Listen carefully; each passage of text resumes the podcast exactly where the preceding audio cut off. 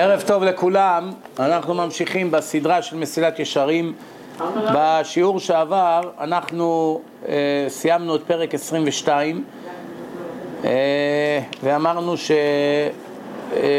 אה, 22 דיברנו על דרכי קניית החסידות ואנחנו היום מדברים עכשיו בפרק 20, מתחילים את פרק 22, סיימנו את פרק 21, פרק 22, כלל הענווה, מדברים עכשיו בענייני ענווה, שזה ההפך מגאווה, תכף אני מגיע לאן שהיינו, אמרנו שאדם צריך להחשיב את עצמו לכלום, ונתנו דוגמאות ממשה, מאברהם, מדוד המלך, שלא החשיבו את עצמם לכלום, תמיד היו שמחים בחלקם, כן?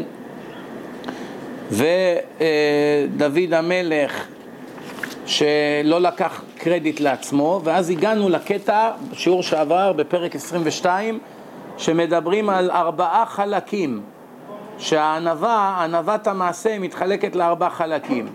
אחד זה שאדם מתנהג בשפלות, בדיבורו, בהליכתו, בשבטו, כן? כל תנועותיו ודיבורו וכולי, בנחת עם הבריות, דיברנו על זה. דיברנו בחלק ב' שילמד מהקדוש ברוך הוא שמכל הערים הוא דווקא בחר לתת התורה על הר סיני שהיה נמוך ביותר שומעים חרפתם ואינם משיבים, תמיד תהיה מאלה שמעליבים אותך ולא מאלה שמעליבים. דיברנו על חלק ג' שזה שנאת הרבנות, הכוונה אל תחפש תפקידי מפתח, אל תחפש לשלוט. אם זימנו לך משמיים, בסדר, אם אין, במקום שאין איש, ישתדל להיות איש. אבל לרוץ אחרי זה, לריב, לעשות מריבות, פוליטיקות, הצבעות, שוחד, כל הדברים האלו, חייבים לברוח מזה, וגם מי שכבר קיבל תפקיד צריך להרגיש לא בנוח עם זה, לא לשמוח שעכשיו הוא שליט ונותן פקודות, כן? כמו בצבא, מפקד, יומיים בצבא כבר מתעלל בחיילים, קיבל תפקיד, או אחד שנהיה שוטר, מתעלל בנהגים, פתאום נהיה לו כוח, זה מה שנקרא עבד כי ימלוך. לא לחפש את התפקידים האלה. כל הרודף אחר הכבוד, הכבוד בורח ממנו. והחלק הרביעי, איזו המכובד, המכבד את הבריות, לתת כבוד לכל אדם, בדיבור, בהתנהגות, עמוד לרוץ להיות, להגיד שלום. עד כאן אנחנו דיברנו בפרק שעבר. היום אנחנו מתחילים, בעזרת השם, פרק 23, שאיך קונים את מידת הענווה. איך מגיעים לזה? זה מה זה אנחנו כבר הבנו בפרק שעבר, בשיעור שעבר. איך אבל מגיעים למצב שאני עכשיו הגאוותן הגדול נהפך לענב הגדול? מירובעם בן נבט להפך למשה רבנו. איך אפשר להגיע לכזה מצב? ענב זה המבולד, כן. אז עכשיו, דבר ראשון, בדברים החיצוניים, איך מתלבשים למשל. אין מצווה להתלבש כמו הומלס, כמו זרוק, חורים בבגדים, בגדים לא מכובסים, מלאים כתמים וחורים. להפך, זה חילול השם, זה לא מצווה. אבל מצד שני, להתלבש בבגדי טווס, בגדים מזהב, אה, אה, כל מיני דברים של מעצבים שעולה הון תועפות, כל מיני דברים מוזרים, למשוך תשומת לב, זה גם כן נגד התורה. לכן הכלל הוא, תלוי איפה אתה גר. אם אתה גר במקום שאף אחד לא מתלבש חליפות ועניבות, מה אתה עכשיו מסתובב במקום כזה כמו איזה עורך דין או ראש ממשלה? לא שייך. תלבש פשוט כמו כולם, כולם חקלאים במושב, אתה לובש כמו חקלאים. אתה בא בארצות הברית, כאן ניו יורק, אפילו זה שמחלק את המכתבים יש לו חליפה ועניבה. זה כבר מנהג המקום. לכן כדי להיראות מכובד פה, לובשים ג'קט, חולצה אלגנטית, עניבה לפעמים כן ולא, אבל לובשים אלגנט. תיראה מכובד, תייצג את היהדות בכבוד, זה מדהים. לא יותר מדי מפוארים, לא יותר מדי בזויים, משהו באמצע פלוס, כן? זה הכלל. וכן, מי שיש לו טבע להתבלט ולבקש תשומת לב בכל פעולה שלו, כן, תמיד צריך להזכיר לעצמו מאין הוא בא. דע מאין באת, באת מטיפה סרוחה. לאן אתה הולך? למקום רימה ותולעה. תולעים יאכלו אותך, מה אתה מתרברב? ולפני מי אתה תיתן לי חשבון? לפני מלך מלכי המלכים, הקדוש ברוך הוא.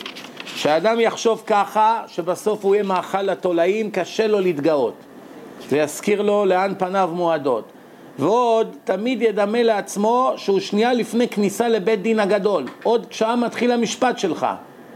יש לך זמן להתגאות בחליפה שלך עכשיו, במכונית שקנית אתמול, בווילה שבנית, עוד מעט מכניסים אותך לפני שופט, אולי ישפוט אותך למאסר עולם באיזה צינוק, בתא, ויתעללו בך יום ולילה. אדם במצב הזה, הוא יכול להתגאות במצבו? מי יכול להתגאות במצבו? לכן תמיד תדמה לעצמך כל הזמן, אה, עוד שנייה מתחיל המשפט, עוד שנייה מתים, עוד רגע מתחיל בית דין של מעלה, עוד שנייה. מה אני יודע מה יהיה מחר? מה אני יודע מה עוד יהיה עוד שעה? כמה אנשים עלו לאוטובוס ולא חזרו? כמה פתאום התקף לב? אחד בחתונה של הבן שלו בחופה קיבל התקף לב. חתן אחד לפני שישה חודשים באמצע החופה מת. מי יכול לדעת? אחד בברית של הבן שלו מת. לעולם אדם לא יודע. אחד באמצע משחק כדורגל, בא לבעוט בכדור, קיבל שבץ, מת. בן עשרים. אתה יכול לדעת? מי יכול לדעת מה יהיה? כן? והוא עומד לפניהם גרוע, פחות ונבזה מצד עצמו. תחשוב שאתה לבוש קרעים, מבוזה, כל העולם המצלמה עליך, טמא ומגועל במעשיו. הירים ראש, יעז להרים את הראש, יחביא את הראש שלו בתוך השרוולים, שבטעות לא יראו מי הוא. האם יהיה לו פתחון פה, וישאלו, איפה פיך, למה אתה לא מדבר? היה גאונך וכבודך, היית מנכ"ל הבנק, מה קורה איתך? מה יענה?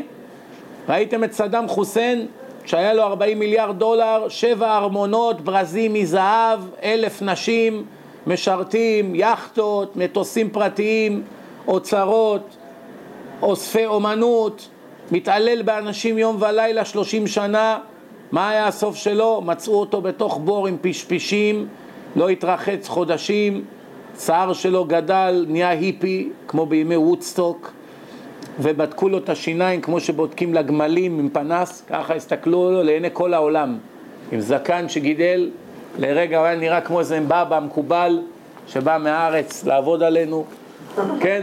וככה בדקו לו את השיניים לעיני כל העולם עם פנס, זה היה הסוף שלו. על זה נאמר ישפיל גאים עדי ארץ. ברגע אחד, כן? היה גאונך וכבודך אשר נשאת בעולמך. מה יענה ומה ישיב? מה יש לו לענות? החלק השני הוא עניין חילוף תולדות הזמן. אני צריך, העשיר צריך לזכור, היום אני עשיר, מחר אני עני. היום אני עני, מחר אני עשיר, אף אחד לא יודע כלום. זה שאני מזלזל בו הפועל, עוד שנה יכול להיות הבוס שלי. אתם יודעים כמה פעמים כבר קרה לי במונסי, שנגיד נתקלתי באיזה בן אדם, והיה איזה משהו, שהיה לי סיבה נאמר לכעוס עליו. ונגיד שעמדתי בניסיון, ואחרי שנה, שנתיים, פתאום ראיתי שזה הרבי של הבן שלי. אני צריך לשבת איתו עכשיו באספת הורים. תאר לך שהייתי מעיר לו, אומר לו משהו, מתנהג לא הגון. העולם זה בומרנג, גלגל חוזר. היום אתה מזלזל באדם פשוט, פעם אחת אדם אחד מסוים שמזלזלים בו, מזלזלים בו בגלל שהוא נראה כזה אדם פשוט, מרושל, לא, לא נראה מכובד כל כך. ויום אחד בא איזה משולח מהארץ, איזה רב חשוב עם העוזר שלו, שהוא גם חבר נערות שלי, הוא אחד הרבנים המובילים בארץ היום, ואמר שהוא רוצה ללכת להיפגש עם איזה ביליונר אחד. ואני התקשרתי למישהו לבקש את הטלפון של אותו ביליונר בשביל הרב הזה. ואותו מישהו אמר לי, יש לי רעיון, יש כזה אחד שאני מכיר אותו אישית, שהוא מתפלל עם אותו ביליונר כל בוקר, והביליונר הזה מאוד uh, חבב אותו. אם אתה רוצה, אני אבקש ממנו שיכניס את הרב החבר שלך לאותו ביליונר. נתן לי את הפרטים של אותו בן אדם, מי מתברר שזה? אותו אחד שנראה כמו ליצן. הכוח בידו. והחבר שלי קיבל עשרים אלף דולר בזכות זה. תאר לך עכשיו שהיית מזלזל באותו אחד, כמו שאחרים מזלזלים. היה ממציא לך תירוץ, אני מצטער, אני לא יכול, אני עסוק, אני נוסע. אתה לא יכול לעולם לדעת, לכן אסור לזלזל באף אדם, בלי קשר לאינטרס. אני מציג את זה לא נכון. בלי קשר מה יוליד יום, זה כדרך אגב גם נכון, זה רק דוגמה עכשיו, כן? קודם כל כי זו האמת, כי זה לא רצון השם לזלזל באנשים, לצחוק על אנשים, לחקות אנשים, לעשות בדיחות מאיך שמדברים, מתלבשים, זה אסור, כל הדברים האלה אסורים מהתורה. איך יגבה ליבו על מצבו אשר אינו בטוח עליו? כמה עשירים התמוטטו? איך, יש אחד במונסי, היה גביר של העיר, שמעתי שמביאים לו ארגזים מתומכי שבס לשבת, אין לו מאה דולר לקנות אוכל לשבת. היה גביר עומדים בתור בשבילו, להיפגש איתו. יש הרבה מקרים כאלו. חסר כאלה שהתמוטטו. יש איזה כדורגלן בארץ שהיה... בזמנו היינו באותה, באותו שכונה, גדלנו באותה שכונה, הוא נהיה מפורסם, הגיע לטלוויזיה, נהיה פרשן, נהיה זה, כן? לא משנה, בלי שמות. ואחד כזה, כן, היינו משחקים גם קצת בנערות שלנו כדורגל ביחד, בגיל 16, 17, ומחליפים בינינו קלטות, כל מיני עניינים, ופתאום נהיה המלך של העולם, נבחרת, משתחווים לו, מעריצים, מעריצות.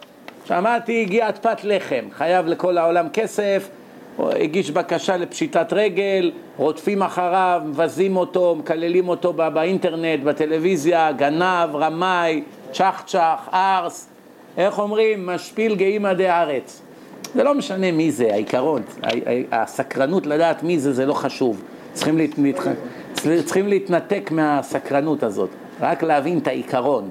היום אתה מלך של העולם, מחר אתה פשפש, מנקים אותך מראש של איזה מישהו, זורקים אותך לכיור. הבנתם? זה ככה העולם. לכן, קודם כל, תמיד תלך בדרך התורה, אף פעם לא תפסיד. איזה הוא חכם הלומד מכל אדם. יש לך גנן, למדת ממנו משהו. מהנהג למדת משהו. תלמיד לימד אותך משהו. גוי ברחוב לימד אותך משהו. הומלס, אתה יכול ללמד דברים, ללמוד ממנו. הומלס, אתה יכול ללמוד ממנו. לפעמים אתה רואה הומלס שמח. שמח, שוכב על ספסל, חם, קר, מדליק לו איזה מדורה בפח זבל, מתחמם, צוחק, שר, מדבר עם עוד אחרים. גם ממנו אתה יכול ללמוד. מה, מה המסר? אתה אומר, תראה, זה בשפל המדרגה יותר שמח ממני. סימן שמצבי אנוש. אם ההומלס הזה יותר שמח ממני, לא אני, הכוונה כל אדם, כן? אפילו איזה מיליונר שגר באיזה טירה ויש לו משרתים והוא הולך ברחוב ורואה איזה הומלס שר ורוקד. הוא עמום. שואל את עצמו, מה אצלי לא בסדר? מעיר אותו, מעורר אותו. בקיצור, אפשר מכל אדם ללמוד. אפילו מהכופרים אפשר ללמוד דברים. למשל, איך הם דבקים, איך הם זורקים את עצמם לאש, מאבדים את העולם הבא שלהם רק כדי להוריד עוד יהודי, להפיל אותו יחד איתם, לבאר שחת. מה צריכים ללמוד מהם? אם אלה שאין להם לא עולם הזה ולא עולם הבא, מוסרים נפש כדי ללכת נגד הדת ולהוריד חרדים מהדרך וכאלה ששומרים מצוות, אנחנו שבדרך האמת צריכים למסור את כל החיים שלנו כדי להציל נשמות. אלה שאין להם כלום, רק רוצים כדי לקבור יחד איתם עוד מישהו, מוסרים נפש כדי להחזיר אותך בשאלה. אלה שיש להם את האמת לא ימסרו נפש להחזיר יהודים בתשובה, בכספם, בממונם, בדיבור, בהשתדלות. פן תאכל ושבעת ורם לבבך ושכחת את השם אלוקיך. כי הוא הנותן לך כוח לעשות חיל. מי נותן לך כוח כתוב בתורה? כל בא מהשם. כל צעד שלך בזכות השם, כל נשימה שלך בזכות השם, כל מחשבה שלך בזכות השם, כל ביצוע שלך, כל דיבור, כל הגה, כל ראייה, כל זיכרון, אתה צריך להודות להשם מאה מיליון שנה, רצוף. על כל מחשבה, מה היית יודע כמה מיליארד, מיליארדים של פעולות קרו עכשיו במוח שלך, שהצלחת לזכור מספר טלפון, עד שהגעת הביתה ורשמת אותו. שנה היית יושב ובוכה ומודה לקדוש ברוך הוא עם תהילים פתוח, בלי לישון. על כמה ניסים קרו אצלך במוח, שאם אחד מהם לא היה קורה, לא היית יכול לזכור כלום. היית נופל כבול עץ על הרצפה, כן? רק אדם מתרגל. אין ארי נואם מתוך קופה של תבן, חז"ל אומרים, מסכת ברכות ל"ב. הרי האריה שואג לא שהוא בתוך ארגז מלא באוכל, אתה לא שומע אותו מצייץ, טוב לו. כל היום זולל ורובץ. מתי האריה נואם? מתוך קופה של בשר. עכשיו הוא רעב, מביאים לו בשר, או, חגיגה. סוסים, תביא להם תבן, תראה איזה רעש הם עושים. כן? מי ששבע, כבר מפוצץ, הבטן שלו, הכרס שלו מפוצצת, מה יש לו לצעוק? אדם שצועק להשם כשהוא רעב זה לא חוכמה. זה כולם צועקים להשם שאין להם מה לאכול. אפילו אלה שצועקים בכיתה שהם אתאיסטים. בתוך תוכם בחדרי חדרים הם בוכים, ריבונו של עולם אם אתה שם תציל אותי, זורקים אותי מחר מהבית. או במילואים או במלחמה, כולם דתיים בבתי חולים.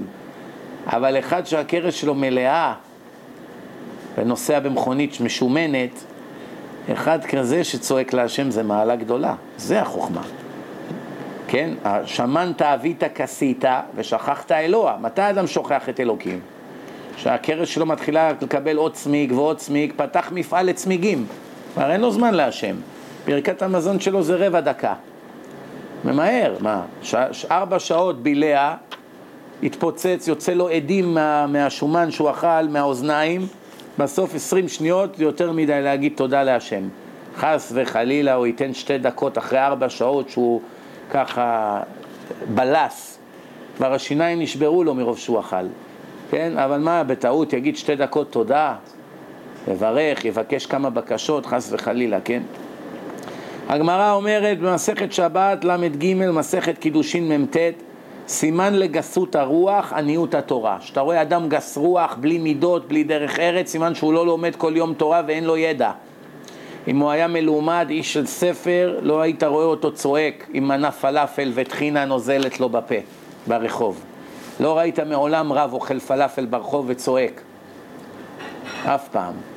גם לא תראה אף פעם רב יושב במסעדה כמעט. ולא רק זה, גם לא תראה אף פעם, גם אם כבר נקלע למסעדה לאיזה פגישה חשובה עם מישהו, אף פעם לא תראה אותו צועק, מלצר! למה הסטייק לא מבושל? זה לא big deal בשבילו, יש, מבושל, לא מבושל. זה רק הריקים, איסתרא בלגינא קיש קיש קריא, עושים הרבה רעש, כן? כבר ראינו שמשה הוא המובחר מכל האדם, שהיה עניו מכל אדם. משה היה לו על מה להתגאות, השם דיבר איתי ולא איתכם. לא הזיז לו, נשאר עניו מכל אדם. ועוד מפסידי הגב, הענווה היא התחברות שמשתמש בבני אדם חנפים לגנוב את ליבו בחנופתם. יש לו עכשיו אופציה שמשה יהיה חבר שלו או יצחק. משה זה אחד שלא מתחנף לאף אחד. אין תוכו כברו, לא חנפן, לא... ויצחק כל היום נותן מחמאות, איזה גדול אתה, איזה יופי, איזה מוכשר, איזה... אדם מטבעו, את מי רוצה חבר? זה שמפרגן לו כל היום. אבל אדם חכם, מי רוצה שיהיה חבר שלו? זה שאומר לו בפנים את האמת. תדע לך שאתה גאוותן גדול ואתה צריך לעבוד על זה. בדרך כלל בזה נגמרה החברות שלנו. אבל אדם שהוא ירא שמיים אומר לו תודה, אני מעריך את הביקורת. אדם עכשיו כתב איזה מאמר, מישהו נתן לו ארבע, חמש הערות. אומר תודה רבה, אקח את זה לתשומת ליבי. והגאוותן, מי אתה שתגיד לי? ראית? אומר לי אשתו איזה חוצפן, מי הוא בכלל? הוא לא למד אחוז ממני, כבר נותן לי הערות. מה אכפת לך? שמע את ההערות, אמת או לא, תבחון, תשקול. מה זה חשוב מי אמר? תלמיד מתחיל או גדול הדור? זה אמת או לא אמת? מה אתה ענב עכשיו? מה אתה גאוותן עכשיו? תהיה ענב. כן? אז רוב האנשים רוצים חנופה למען ייטב להם, ישבחו וירוממוהו. כן? יגדילו את המעלות שבו, יוסיפו עליו דברים שאין בו. למשל הוא קמצן, נתן 100 דולר צ'ק, הנדיב הגדול.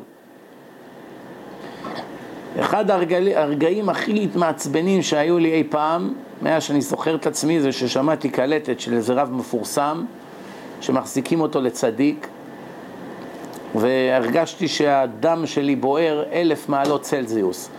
הושיב איזה 25 רשעים, מחללי שבת, בועלי נידה, אוכלים ביום כיפור, אוכלים חמץ בפסח, הולכים עם גויות, מבזים את השם, עושים חילול השם ברבים, מה לא, מה לא. על איזה צ'ק עלוב שרשמו לו, הושיב אותם באיזה שולחן וגם עשה על זה דיסק ברוב גאוניותו ושיבח אחד אחד, עבר.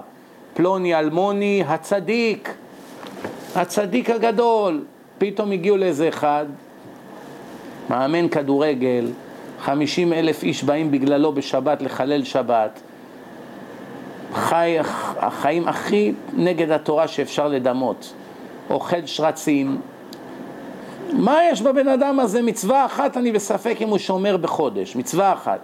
הושיב אותו בראש השולחן וגמר עליו תהלל. על זה מדובר כאן. מה זה תהלל? הלל, הלל אותו, שיבח אותו. אנחנו צריכים להתרחק מזה. פעם אחת איזה אדמו"ר אחד בא לרב בן ציון, התחיל לשבח אותו. העמוד המרכזי, הפטיש הגדול, גדול הדור, גדול הגדולים, נשיא הדור. אמר לו הרב בן ציון, עזוב, הכל כלאם פאדי. כלאם פאדי זה דיבורי סרק בערבית. העיקר מה יגידו עליי בבית דין של מעלה, מה מועיל המש... המחמאות האלה עכשיו? סתם להכיל את האגו. אז אדם אומר, אז מה יש? אני רוצה להרגיש טוב עם עצמי, בגלל שאתה חולה. תכיר בבעיה, אתה חולה. אם אתה צריך שיגידו לך מחמאות על היופי שלך, על החוכמה שלך, על המכונית שלך, על הבית שלך, על אשתך, על אני לא יודע על מה, סימן שאתה חולה. והתרופה שאתה לוקח היא לא, היא לא טובה, היא רק תגרום לך למחלה להתרבות ולהתגדל יותר ויותר. אתה צריך לעקור את המחלה מהשורש, טיפול שורש, עוקרים את השורשים, מחליפים אותם, מנקים אותם מבפנים, לא מבחוץ נותנים אנטיביוטיקה ונותנים קצת סם אה, משכיח כאבים, זה לא מרפא את הבעיה, זה סתם מאכילים את האגו, אז האגו רוצה יותר, כמו אדם שחולה נשים, הולך לעשות פעם אחת עבירה עם אישה, עכשיו הוא יירגע? מה פתאום? עכשיו הוא נהיה הרבה יותר רעב. כולם רואים את זה. דבר מוליך לדבר, בסוף אתה שומע עליו שהוא איבד את עולמו. כן? לא סתם אומרים לא ירבה אדם שיחה עם האישה, אפילו עם אשתו נאמר, קל וחומר אישה זרה. מה, מרבה נשים, מרבה כשפים, מרבה בעיות, מרבה, מר... מוציאה אותו מן העולם הזה מעולם העולם הבא. דבר מוליך לדבר, שיושב איתה, בית קפה, זה, פה, ככה, בסוף הפלות, רצח. בגידות, השם יעזור. והנה סוף סוף דעת האדם קלה. רוב בני אדם דעתם קלה, לא, לא מעמיקים מחשב, מחשבה. וטבעו חלש, הוא מתפתה בנקל. קצת היא מזיזה את השערות, כבר מזיז את הזנב שלו כמו איזה שימפנזה, שלוש דקות אחרי הוא כבר קונה לה איזה משקה, אחרי זה הוא כבר מוכן להעביר את הירושה של הבנים שלו על שמה, על הסינית הזאת שעשתה לו איזה מסאז' בבריכה, ואחרי זה מה נהיה? השם יעזור. זה מה שקורה כל הזמן. מכיר איזה מיליארדר יהודי אחד. היה נשוי איזה אישה, מהאצולה הוא, מולטי מולטי ביליונר, אחד מעשירי תבל. הלך לאיזה מכון כושר, נתפלה לו אליו איזה סינית שדומה שימפנזה יפה לידה. שימפנזה יפה לידה, עד כדי כך היא מכוערת אותו אחת. שברירית, קטנה כזאת, מקל, פרצוף של שימפנזה, מחילה מכבודה. אתם לא יודעים מי זאת, אתם לא יודעים מי זאת, אז אני מרשה לעצמי להפליג בשבחים, כן? איך אומרים? אני אומר את מקצת שבחה מאחורי גבה.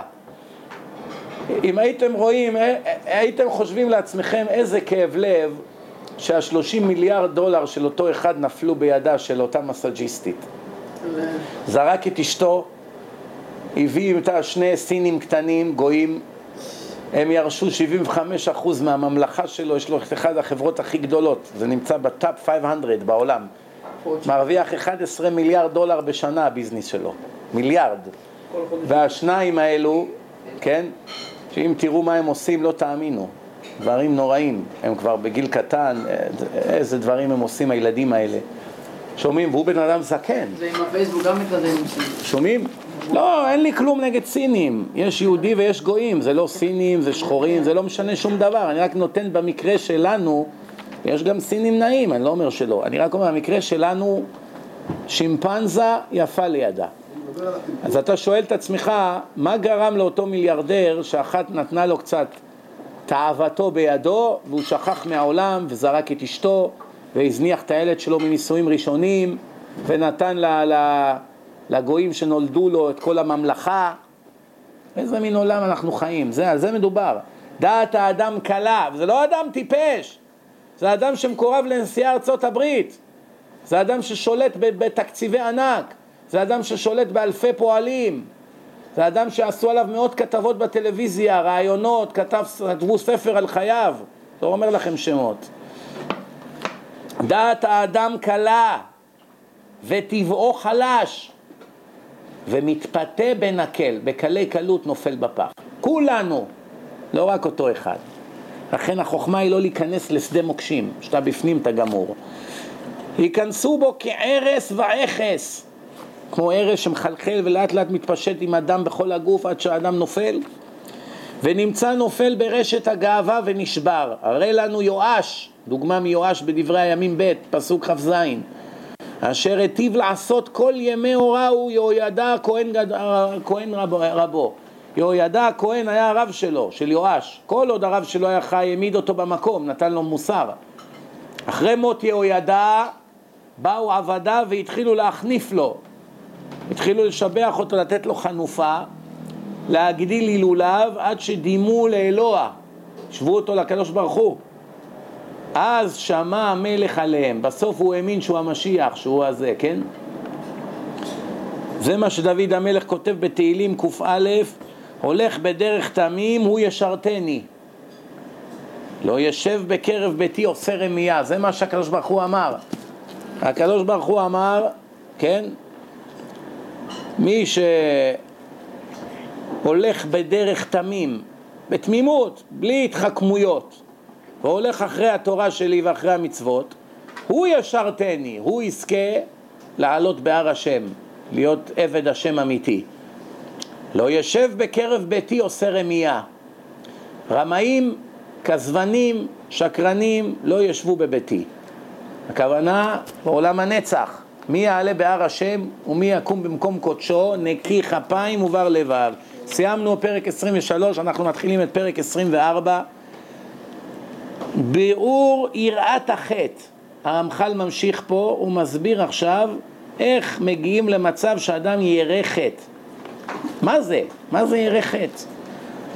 לא יוכל להגיע אליו, למדרגה הזאת האדם, אלא מי שכבר השיג את כל המידות שקדמנו. כל מה שאמרנו עד עכשיו ב-23 פרקים שקדמו, אם, לא, אם אדם לא השיג את כולם, ענווה, זהירות, נקיות, חסידות וכולי, לא יכול להגיע למדרגה הזאת של יראת חטא. כן?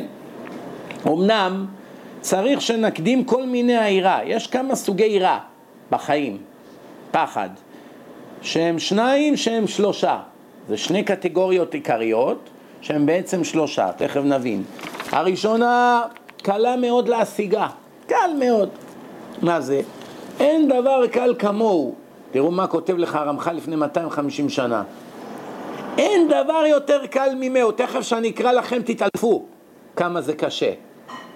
אבל בזמנם כל פלגמט היה לו את זה, זה מה שמעניין. בזמנו, תראו כמה הידרדרנו, תראה מה הוא אומר לך. קלה מאוד להשגה, אין דבר קל כמוה. והשנייה, קשה היא מן הכל, ושלמותה, כמו כן, שלמות גדולה מאוד.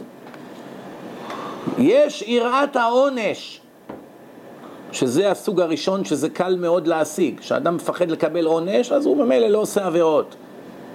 ויש יראת הרוממות, וזהו הסוג השני, שיראת חלק שני ממנו. מה ההבדל ביניהם? יראת העונש כפשוטה, כמו שזה נשמע. אדם ירא לעבור על פי השם, אלוהיו, מפני העונשים אשר לעבירות. יודע, על כל עבירה יש מחיר, תג מחיר. גנבת אתה משלם כפול, חיללת שבת סוקלים אותך, אין לך חלק לעולם הבא. ניאופים, אשת איש, יש עבירות קשות, יש עונשים קשים. הפסדי ממון, סרטן, גירושים, עצבים, דיכאונות, בעיות עם ילדים. חסר בעיות, בתי סוהר, העולם מלא בתשלומים. כל עבירה באה עם תג מחיר, רק לא תמיד פותחים ורואים מיד. לפעמים הביל מגיע חודשיים אחרי, לפעמים עשר שנים אחרי. אתה לא יכול לברוח מהביל. אז מה, אם זה לגוף ואם זה לנפש, יש עונשים לגוף, כאב גב, אלרגיות, מקריח, כאבים בברכיים, ניתוחים, מניסקוס, צרות, מערכת עצבים, ויש לנפש, anxiety attack, משברים, דיכאונות, עצבות, לא יכול להתרכז, לא זוכר כלום, הנשמה שלו חולה. יש לה גוף, הגוף נפגע מהעבירות, ויש את הנפש שנפגעת מהעבירות. הנה זאת קלה ודאי! תראו מה זה, איך אומרים באנגלית? piece of cake. יש אחד כזה בעולם היום שמפחד מהעונש? מי? בודדים. אם היינו מפחדים מהעונש, למה מדברים לשון הרע? למה אוכלים לא מאה אחוז כשר? למה לא מתפללים בבוקר בזמן? למה מפספסים קריאת שמע? למה מבזים אנשים? למה מזייפים בשבת? למה קונה את התפילין הכי זולות, או מזוזות הכי זולות? סימן שאין שום יראה מהעונש. יש עבירה שאתה לא קונה? אם אתה קונה ספק פסול, יש עבירה? בטח שיש עבירה. אם נמצא פסול, אתה אשם. כי כל אדם אוהב את עצמו וירא לנפשו. מה? מה צריכים להזהיר את זה מהתורה? אדם יודע יש עונשים, מספיק. הוא דואג לעצמו, הוא לא רוצה להיענש. ואין דבר שירחיק אותו מעשות דבר אחד יותר מן היראה. מה, יש דבר שמפחיד יותר מלקבל עונש? אדם עכשיו נוסע בכביש מהיר, רוצה, איך אומרים, לקרוע את הכביש. אבל הוא יודע, בכביש הזה יש משטרות. הוא מאט, אין ברירה. פעם, פעמיים הוא שילם טיקט, לקחו לו את הרישיון, ביטוח פי שלוש. בארץ שמעתי לוקחים מכוניות גם, על כל מיני עבירות. אז אנשים רועדים, אז אין לו ברירה, הוא חייב לנסוע לאט, שונא לנסוע לאט. הוא מרגיש שהוא שורף זמן, עדיף לשרוף זמן מאשר להיות במעצר, כן? שלא תבואו איזה רעה, מה, אני אמשיך ככה, אני אקבל מכה. ואין נראה זו ראויה אלא לעמי הארץ ולנשים אשר דעתם קלה. מה הפירוש? עמי הארץ ונשים לא לומדים תורה, לא לומדים גמרא בעומק. גמרא היא מחדדת את המוח. היא מעבירה את המוח שלך למעלות, לרבדים שאין אותם לאנשים רגילים. המוח עובד חלק, חריף, מרוכז, הוא מחזיק הרבה מהלכים, גם אחרי זמן רב הכל, הכל מוקלט טוב בפנים, יש לך זיכרון, אתה יודע להשוות דבר לדבר, אתה יודע לקלוט סתירות, זיופים, המוח הוא משומן, הוא עובד טוב. לא סתם הסוכנים הכי גדולים בבורסה, בוול סטריט, של האמריקן אקספרס ושל כל החברות, של הכי, החברות הכי גדולות, זה חרדים שלמדו גמרא כל החיים. עומדים על הרציף בוול סטריט, ותוך שניות הם מחליפים החלטות של מאות מיליוני דולרים. בגלל שהמוח שלהם עובד הרבה יותר מהר מאדם רגיל. שהביאו את השחמט המחשב הראשון לארץ. ישבו הממציאים וחשבו מי, מי ישחק נגד המחשב, מי, איזה מוח. למי הלכו? הרב עובדיה יוסף. אמרו, אין מוח כמו שלך פה בארץ, למרות שיש עוד כמה, אבל לבדוק. מהירות מחשבה, ריכוז וכולי, כן? לא יודע אם הסיפור הזה הוא אמת או לא. כי אני אישית קשה לי להאמין שהרב עובדיה בזבז שעתיים שלוש ללמוד מה זה שחמט. אני אישית לא מאמין לסיפור, אבל אומרים שהסיפור הזה היה. לא משנה, איך אומרים, עליי ועליכם לא מספרים על זה. אם מספרים את זה עליו, סימן שהוא המוח הכי חריף. שמעתם פעם מישהו מספר עלינו שהביאו את המחשב הראשון להשוות את זה עם המוח שלנו? אם היו ממציאים עלינו כזה שקר, סימן שמצבנו טוב, כן? היה פעם משפט באירופה, הביאו איזה רב ורוצים להוציא אותו להורג על זה שכביכול הוא גנב איזה ילד נוצרי, ואתם מכירים את העלילות דם. העורך דין שלו, שהיה יהודי חילוני משכיל, אמר לשופט, כבוד השופט, איך אדם כזה יכול לעשות כזה דבר?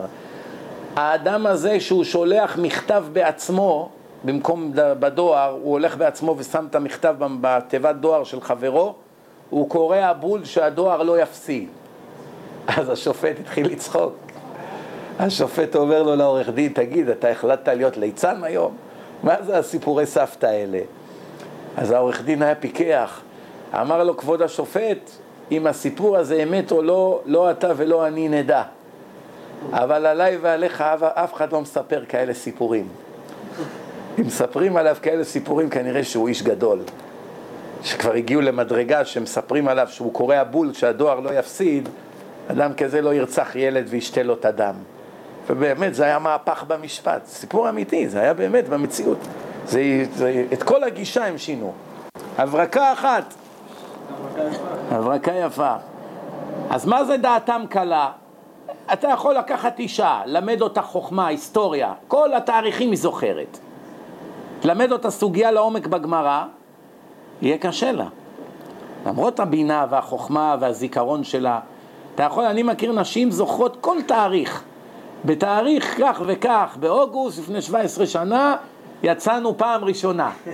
הלכנו למסעדה כזאת, שלושה ימים אחרי הדוד שלך בא מהארץ, היה אצלנו 14 יום, נסע ב-20 בספטמבר, בשלוש בצהריים, בטיסה 401. היה שעתיים עיכוב. בסוף אתה שואל אותה, שניים אוחזים בטלי, זה אומר ככה, זה, היא לא מבינה מה אתה רוצה. אותו דבר הביזנסמן, זה לא רק נשים, זה אחד שהוא בעסקים. אין לו את חוכמת התלמוד, קשה. זה מה שהרמב"ם אומר. אדם לומד חומש, לומד הלכה, לומד הכל, בסוף, שכבר גמר ללמוד את הבסיס, מכאן ואילך, יעסוק כל חייו בתלמוד, שהיא מחדדת את המוח וזה. זה הלימוד ברמה הכי גבוהה, כן? היום כל אחד שלא יכול להחזיק ראש בתלמוד הולך להיות מקובל. שמע שמקבלים ממון בקלות, כן? היום יש שני סוגי הכנסה קלה. אחד באים לבית הכנסת, אומרים הכנסה סקאלה, הכנסה קלה, תביא, תביא כסף. אם יש קלה או אין, רק השם יודע. כן, לפעמים מחתנים את אותה קלה 17 פעם, מסכנה. כן, לא שמעו שיש איסור אשת איש. כבר 17 איש מתחתנים את אותה קלה. כבר קנו לה בית, בית בבברלי ארבע מכוניות, ועוד מחתנים אותה. היא כבר סבתא. מי הכלה? אותו מכתב. כל שנה מוסיפים ספרה לתאריך. ויש את המקובלים. מקובל בא לעיר, כן? יש מקובל ויש מקופל ויש מקבל. כל אלה נוכלים שצריכים להיזהר מהם, כן? המין השני הוא יראת הרוממות. מה זה יראת הרוממות? שאדם מבין עם מי אני מתעסק. מי שמבין מי זה הקדוש ברוך הוא לא צריך בכלל פחד מהעונש. רק הבושה הנוראית שאני עומד לפני מלך מלכי המלכים, בורא כל העולמות, שמביט בי כרגע בזמן העבירה, בלי עונש. אפילו קיבלת מכתב חתום מהשם, בא אליך בהתגלות, לא פחות ממשה רבנו, אתה פטור מעונשים, פטור. עשית כבר כל כך הרבה בחייך, עשית הרבה דברים גדולים, אין לך מה לדאוג, אתה מבוטח בגן עדן, זהו. כיסא שלך ליד משה, ליד רבי עקיבא, ביניהם כבר מובטח, חתום וסגור, הנה השטר שלך, בעלות. חתום. אתה לא מסוגל תהיה לעשות את העבירה. כולם יש להם תאוות לעבירות, מי אין לו? אם אין לך תאוות אתה לא, אתה לא בן אדם, אתה מלאך, גמרת את התיקון. אבל כשאתה רואה שהשם מסתכל אתה מת מבושה, מה? ליד השם אני אעשה כזה דבר? זה נקרא יראת הרוממות, שאתה מבין איזה מרומם הוא, זה האדם, רוב האנשים לא מגיעים לדרגה הזאת, קשה מאוד להשיג את זה. אני תמיד נותן את הדוגמה הזאת, אדם יש לו חנות חליפות, נכנס לו איזה קליינט, הוא לא יודע מי זה, נראה, איך אומרים, שלוך. נראה מרושל, היפי קצת, שערות, ג'ינסים חורים בברכיים. נעלי אצבע, לא נראה עכשיו מישהו חשוב. פתאום הוא רואה את האיפי הזה, שואל על חליפה של אלפיים דולר, חליפה חמשת אלפים דולר, הגיע לאגף ה-VIP. איך אומרים, הוא נראה מהאיפים שהולכים עם תרמיל צבאי ככה, ורסטות, ומעשנים בדרך, כן, ככה הוא נראה, מה לו ולחליפות? אז אחרי עשרים שניות שראית אותו נכנס לחנות, כבר לא מצא חן בעיניך. כל דקה שהוא נמצא אצלך בחנות, אתה נהפך באורח פלאים ליותר אלרגי אליו. אתה יותר ויותר אלרגי, כן? עד שכבר הגיעה המציאות שעוד שנייה תעיף אותו מהחלון. פתאום נכנס קליינט, בא אליך, אומר לך, משה, אתה יודע מי זה הקליינט הזה שאצלך בחנות? מי זה? אומר, זה הבן של ביל גייטס. הבן של ביל גייטס. מה זה, הוא כל היום מסתובב ושורף את הכספים של אבא שלו. מה קרה למוכר באותו השנייה? Sir, señor, אפשר להציע לך קפה? קח, אתה יכול לשבת פה, תדליק את המזגן מהר. צועק, ריקי, למה המזגן לא עובד? מהר, מהר, תוציאו את כל החליפות, תפרסו, סגור את הרחוב. מתקשר לחבר של השוטר, אני צריך לך טובה, מהר בוא תסגור את הרחוב, שלא ייכנסו קליינטים. מה השתנה? הוא הבין עם מי יש לו עסק. זה נקרא יראת הרוממות. עד עכשיו נראה לך סתם היפי חבר שלך מהטירונות. זלזלת בו. פתאום הבנת עם מי יש לך עסק, איך כל ה... כל ה... זה... לפעמים לא כולם נראים רבנים, אתם יודעים, יש כאלה בכוונה לא נראים. אז הם באים למקום, אף אחד לא יודע מי הם. אחד הדברים המצחיקים בחיים האלה, שהגבאי של אותו מקום פתאום מתברר לו מי זה. שהוא לא כיבד אותו מספיק, איך הם נבהלים. מה אתה נבהל? כולנו בשר ודם. אה, סליחה, מחילה, תמחה, מה השטויות? הוא מסתכל על זה כבדיחה, אבל ההוא לוקח את זה מאוד רציני. למה לא אמרו לי? והוא כועס, כאילו, מה? כאילו נתן לך את העלייה הלא הכי טובה, כן? אז, ש... אז אני תמיד אומר, תראה איך האדם משתנה לגמרי שהוא מבין, יש דוגמה מהרב סעדיה גאון, הרי אז בזמנם לא היה אינטרנט, לא היה תמונות, לא ידעו איך הרבנים נראים. פעם הרב סעדיה גאון בא למוטל, לפני אלף שנה זה היה. לא היה, אה, לא היה כיסאות, לא היה כיסאות, לא היה אה, חדרים, לא היה מיטות. אז בעל המוטל אמר לו, אין מקום, לך. לא ידע מי הוא. אמר לו, תן לי סתם מיטה במסדרון. אז ארגן לו איזה מזרון מצ'וקמק. כעבור יומיים שלושה שהוא ישן במסדרון, מישהו זיהה אותו. למזלו הרע של בעל המלון. שאותו אחד זיהה שגדול הדור שוכב במסדרון כמו כלב, התחיל להקים צעקות, כל המלון הזדעזע. התחילו לבכות, פעם ידעו לכבד תלמיד חכם, לא כמו היום. שותים את דמו עם קש.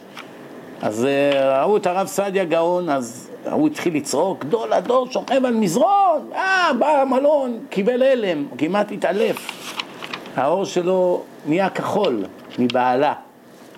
כבוד הרב, מחילה, ירד על ארבע, בוכה, צועק, תמחל לי, לא ידעתי, איך יכול, למה לא אמרת לי? הוא היה ענף. מה יגיד לו, אני גדול הדור, אתה משקיע...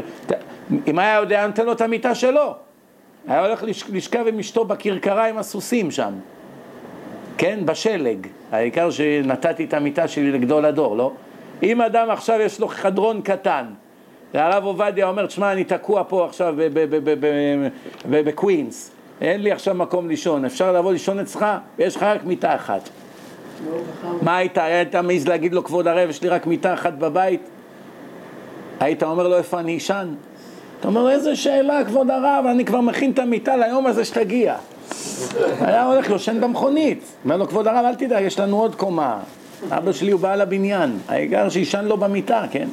יש איזה עשיר אחד במונסי, כל פעם שהרב שטיינמן מגיע לארצות הברית, יש לו דיל איתו. תישן אצלי בבית, 300 אלף דולר צ'ק. כן. תישן אצלי בבית, 300 אלף דולר צ'ק.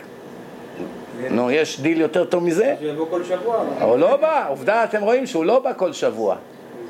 הוא לא בא כל שבוע, עובדה, הוא בא כשצריך לאסוף כספים לישיבות ולעניים, אז הוא בא. הוא לא אדם צעיר, הוא בן מאה. כן? והרב שטיינמן, שמקבל 300 אלף דולר על כל ביקור, רק מתי שיחפוץ. ראיתם את הבית שלו? מי פעם ראה את הבית שלו? באיזה תמונה או בעיתון? הסלון שלו, השולחן שבת, יש כיסאות. ממה עשו עם הכיסאות? מארגזי חלב. מכירים את הארגזי חלב? על זה יושבים. כל הבית, איזה מיטה, איזה מזרון כזה מצ'וקמק, כמו בימים של, לפני 60 שנה שבאו העלייה הראשונה והשנייה לארץ, מיטה מברזל, מימי עליבאבא וארבעים השודדים, מהגנב מבגדד, מהימים האלה, ככה הבית שלו נראה. ועברו לו מיליונים ביד. פעם גנבו לו מהמגירה 50 אלף דולר. מה הוא עושה עם כל הכסף? הכל הוא מחלק לעולם התורה. הוא חי, איך אומרים, יש הומלסים בניו יורק שחיים יותר במצב כלכלי יותר טוב ממנו, מבחינת עצמם. ישנים טוב, יש להם איזה אוהל, איזה צריף, נתנו להם, אוכלים טוב, אוכלים אפילו סושי. אני מכיר הומלס שאוכל סושי. שומעים? איך אתה אומר? ג'ינג'י, אתה אומר, ג'ינג'י, אתה אומר, הלוואי עליי להיות כזה הומלס. אוכל סושי מתי שרוצה. תראו, יש, יש ילדים של עניים שמתלבשים בגדים של מעצבים. למה? אם ההורים שלהם היו צריכים לקנות להם בגדים, אין להם. אז העשירים נותנים להם, לפעמים הם מקבלים בגדים עם התג. העשירים לא תמיד מספיקים ללבוש את כל מה שהם קונים, אין מספיק זמן. אז הרבה מהבגדים עוברים לעניים. פתאום יש לך עני, אבא שלו אברך בכולל, שבעה ילדים בחדר, נזילות על הראש, לובש ארמני. יש לך איש עסקים, חושב שבעים פעם אם לשלם אלף דולר על החליפה, פתאום ההוא, אני אומר לכם, זה מעשים יום-יום. לפני שמסיימים, בואו נגמור את הפרק הזה. הוא אומר ככה, Uh, העניין הוא שאדם מפחד יראת הרוממות, כן? שאדם לא מפחד רק מהחטאים, זה מדרגה נמוכה, אמרנו. אלא הוא מבין עם מי יש לו עסק, הוא, מפ... הוא מביט על עצמו איזה פחות הוא.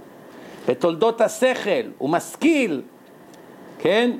וזה אחד מחלקי החסידות, שאדם מגיע למדרגת חסיד, יבוש האדם ויחרד.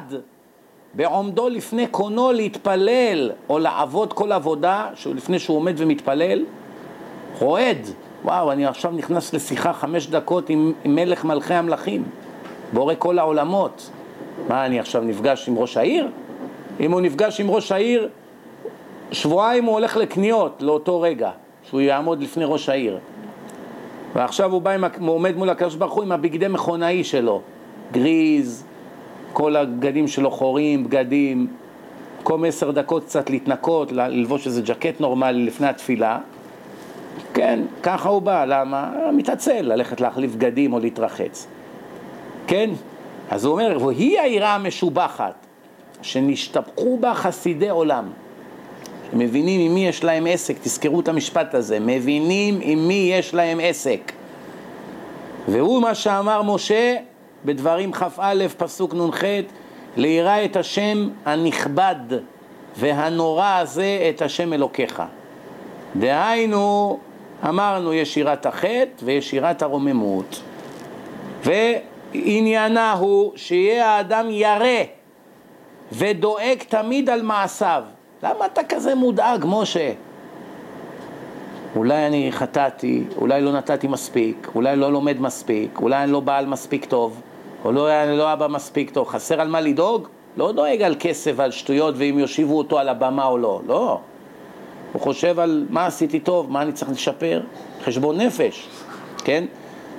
פן יתערב בם איזה שמץ חטא, בטעות אולי נכנס לי גם איזה משהו לא לשם שמיים, איזה גאווה וכבוד, כן? או פן יש שם איזה דבר קטן או גדול שאינו לפי גודל כבודו. אולי זלזלתי קצת בכבוד של הקדוש ברוך הוא, במצווה הזאת לא עשיתי כמו שצריך.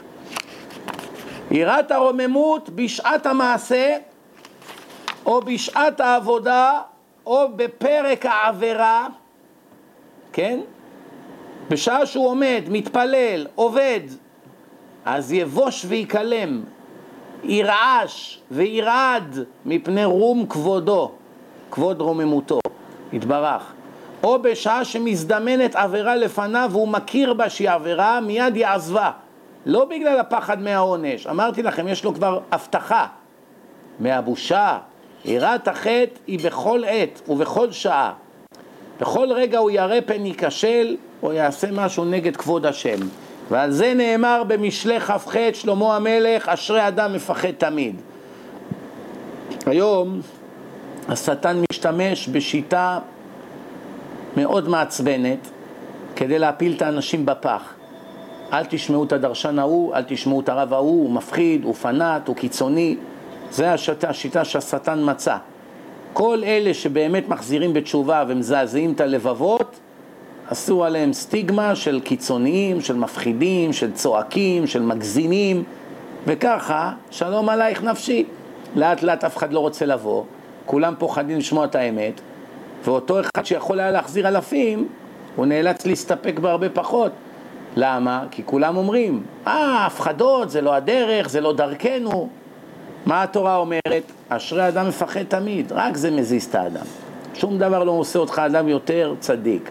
רק כשאתה מבין, אם אני אעשה א', ב', ג', אני אשלם מיליון דולר על זה. זה יעלה לי ביוקר. כשאתה מבין את זה, וחוץ מזה, אם אתה מבין מי זה הקדוש ברוך הוא, אז אתה רועד מבושה. הוא, איך עשיתי כזה דבר? זה לא נותן לך מנוחה. וישעיה הנביא אמר בנבואתו, ישעיה ס"ו פסוק ב', ואל זה הביט, מי, הקדוש ברוך הוא אומר, אל זה הביט, למי? אל ראש ממשלת ישראל ורמטכ"ל צה"ל.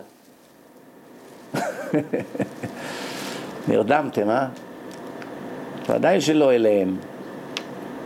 זה, אליהם הקדוש ברוך הוא לא מביט. אל מי הוא מביט? תשמעו טוב. ואל זה הביט, אל עני ונכה רוח וחרד על דברי, פוחד לעבור על חוקי התורה. ודוד המלך השתבח בזה ואמר, שרים רדפוני חינם ומדבריך פחד ליבי. רצו אחריי מלכים להיות בחברתי, הוא היה איש ענק, כל העולם הבין מי זה דוד המלך. והם לא עניינו אותי כקליפת השום, רק דבר אחד היה בראשי, הפחד שלי ממך. סמר מפחדך בשרי, פסוק בתהילים. איך אתם יודעים שאדם רועד ונכנס לו פחד, נהיה גופו חידודים חידודים, האור שלו מזדקר ככה נקודות נקודות מהפחד? אור ברווז. גוס פאמס, בדיוק. אדם כזה, דוד המלך כותב, סמר מפחדך בשרי. הבשר שלי, שערותיי סומרות בבשר. מרוב הפחד שלי, אולי עברתי על אחד מחוקיך. ואנחנו, הכרס גודלת, ויושנים טוב בלילה, והלשון אין לה עצם, כל היום יורדת וקוטלת, ולא לימוד ולא תורה, וכדורגל ושטויות ופיקניקים וכולם בהרים. עכשיו בדרך לפה, אף פעם ב-20 שנה שאני פה לא ראיתי את הכבישים כאלה ריקים. אף מכונית לא הייתה בדרך ממונסי לקווינס היום. בדרך כלל בשעות האלה זה שעתיים נסיעה. תוך 50 דקות הייתי כאן. הגעתי לגשר, ארבע מכוניות היו. איפה כולם? התחלה אמרתי לעצמי, טוב, המשבר הכלכלי כנראה כבר זהו, אנשים אין להם כסף לדלק, שמע, זה גם אמת. פתאום אמרתי, היי, רגע, מה אני מדבר? התחיל החופש, כולם בערים, כולם בחופשה, כולם אוכלי חינם. פעם היה שיר שהייתי נער, שיר, שיר מעניין, להקת רוק חילונית, זה היה השיר. Everybody working for the weekend. זה אחד מעשרת הדיברות של ארצות הברית. חמישה ימים עבדים, שבת ראשון בני חורין. כולם עובדים לוויקנד. זה היה עבדות, כן? זה היה השיר. Everybody working for the weekend. אתם עוד לא נולדתם. אה? גם אצל היהודים זה ככה. זה מה שלא טוב, זה בדיוק מה ש... מה, אנחנו באנו לעולם הזה לחופשות? לא קשור, אתה עובד ימים ביום שבת. שבת זה יום רוחני, זה לא חופשה, זה לא נועד בשביל לתת לך חופשה. גם אחד שלא עובד בכלל פיזית, גם נכה בכיסא גלגלים צריך לשמור שבת. גם אחד שיושן כל היום במיטה, מיליארדר, יש לו משרתים, הוא צריך לשמור שבת. זה לא... כדרך אגב, זה גם מנוחת הגוף. אבל אדם שנח כל החיים, אז הוא פטור מלשמור שבת, כל החיים הוא יושן. המלך. אז שומר שבת עדיין. מי שעובד כל החיים, עדיין לא פטור. כולם צריכים לשמור. הלאה, אז הוא אומר ככה, שומעים? שיהיה האדם תמיד חושב על מה שכבר עשה, ויירא וידאג פן יצא תחת ידיו איזה חטא בלי שידע. ועכשיו נסיים את הפרק, בעזרת השם. סיימנו את פרק 24, ועכשיו יש לנו עמוד אחד, עמוד ורבע, לסיים את פרק 25, ובשבוע הבא אנחנו עושים סיום, בעזרת השם. פרק אחרון. עכשיו 25 זה ממש עמוד אחד. ואז אנחנו גומרים בשבוע הבא את הפרק האחרון. שומעים? כן. אמרת שצריך תמיד להיות בדאגה, נכון? על החטאים, לא על הפרנסה. איך אפשר להיות שמח אם אתה צריך כל הזמן לחשוב? אין בעיה, גיל הוא ברעדה. אפשר להיות שמח, גיל זה שמחה, בזמן, אותו זמן להיות רועד. אני אתן לך דוגמה. האדם עכשיו בא לחתן את הבן שלו, השקיע מיליון דולר בחתונה. רקדנים, זה להקות, אחראי אולפן, אחראי במה, אחראי זיקוקי דינור, אחראי מלצרים, איבי, שטיחים אדומים, כרכרה וסוס. איזה היום הכי מאושר בחייו, סוף סוף מחתן את בנו יחידו, אבל כל הלילה הוא רועד. מה, אולי משהו נעשה, לא, לא, לא, אולי בווידאו פתאום יראו איזה פשלה, אולי משהו לא יעבוד, אולי לא, הזיקוקים לא יעבדו. באותו זמן שהוא האדם הכי מאושר בעולם, הוא רועד, כן?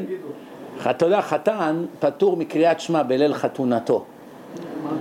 למה? זה הלילה הכי שמח בחייו. הוא עכשיו הגיע גיל 20, 21, 24, עוד הוא לא נגע בבחורה, יהודי כשר. עכשיו הוא פתאום סוף סוף בפעם הראשונה בחיים שלו הולך להיות עם בחורה הלילה.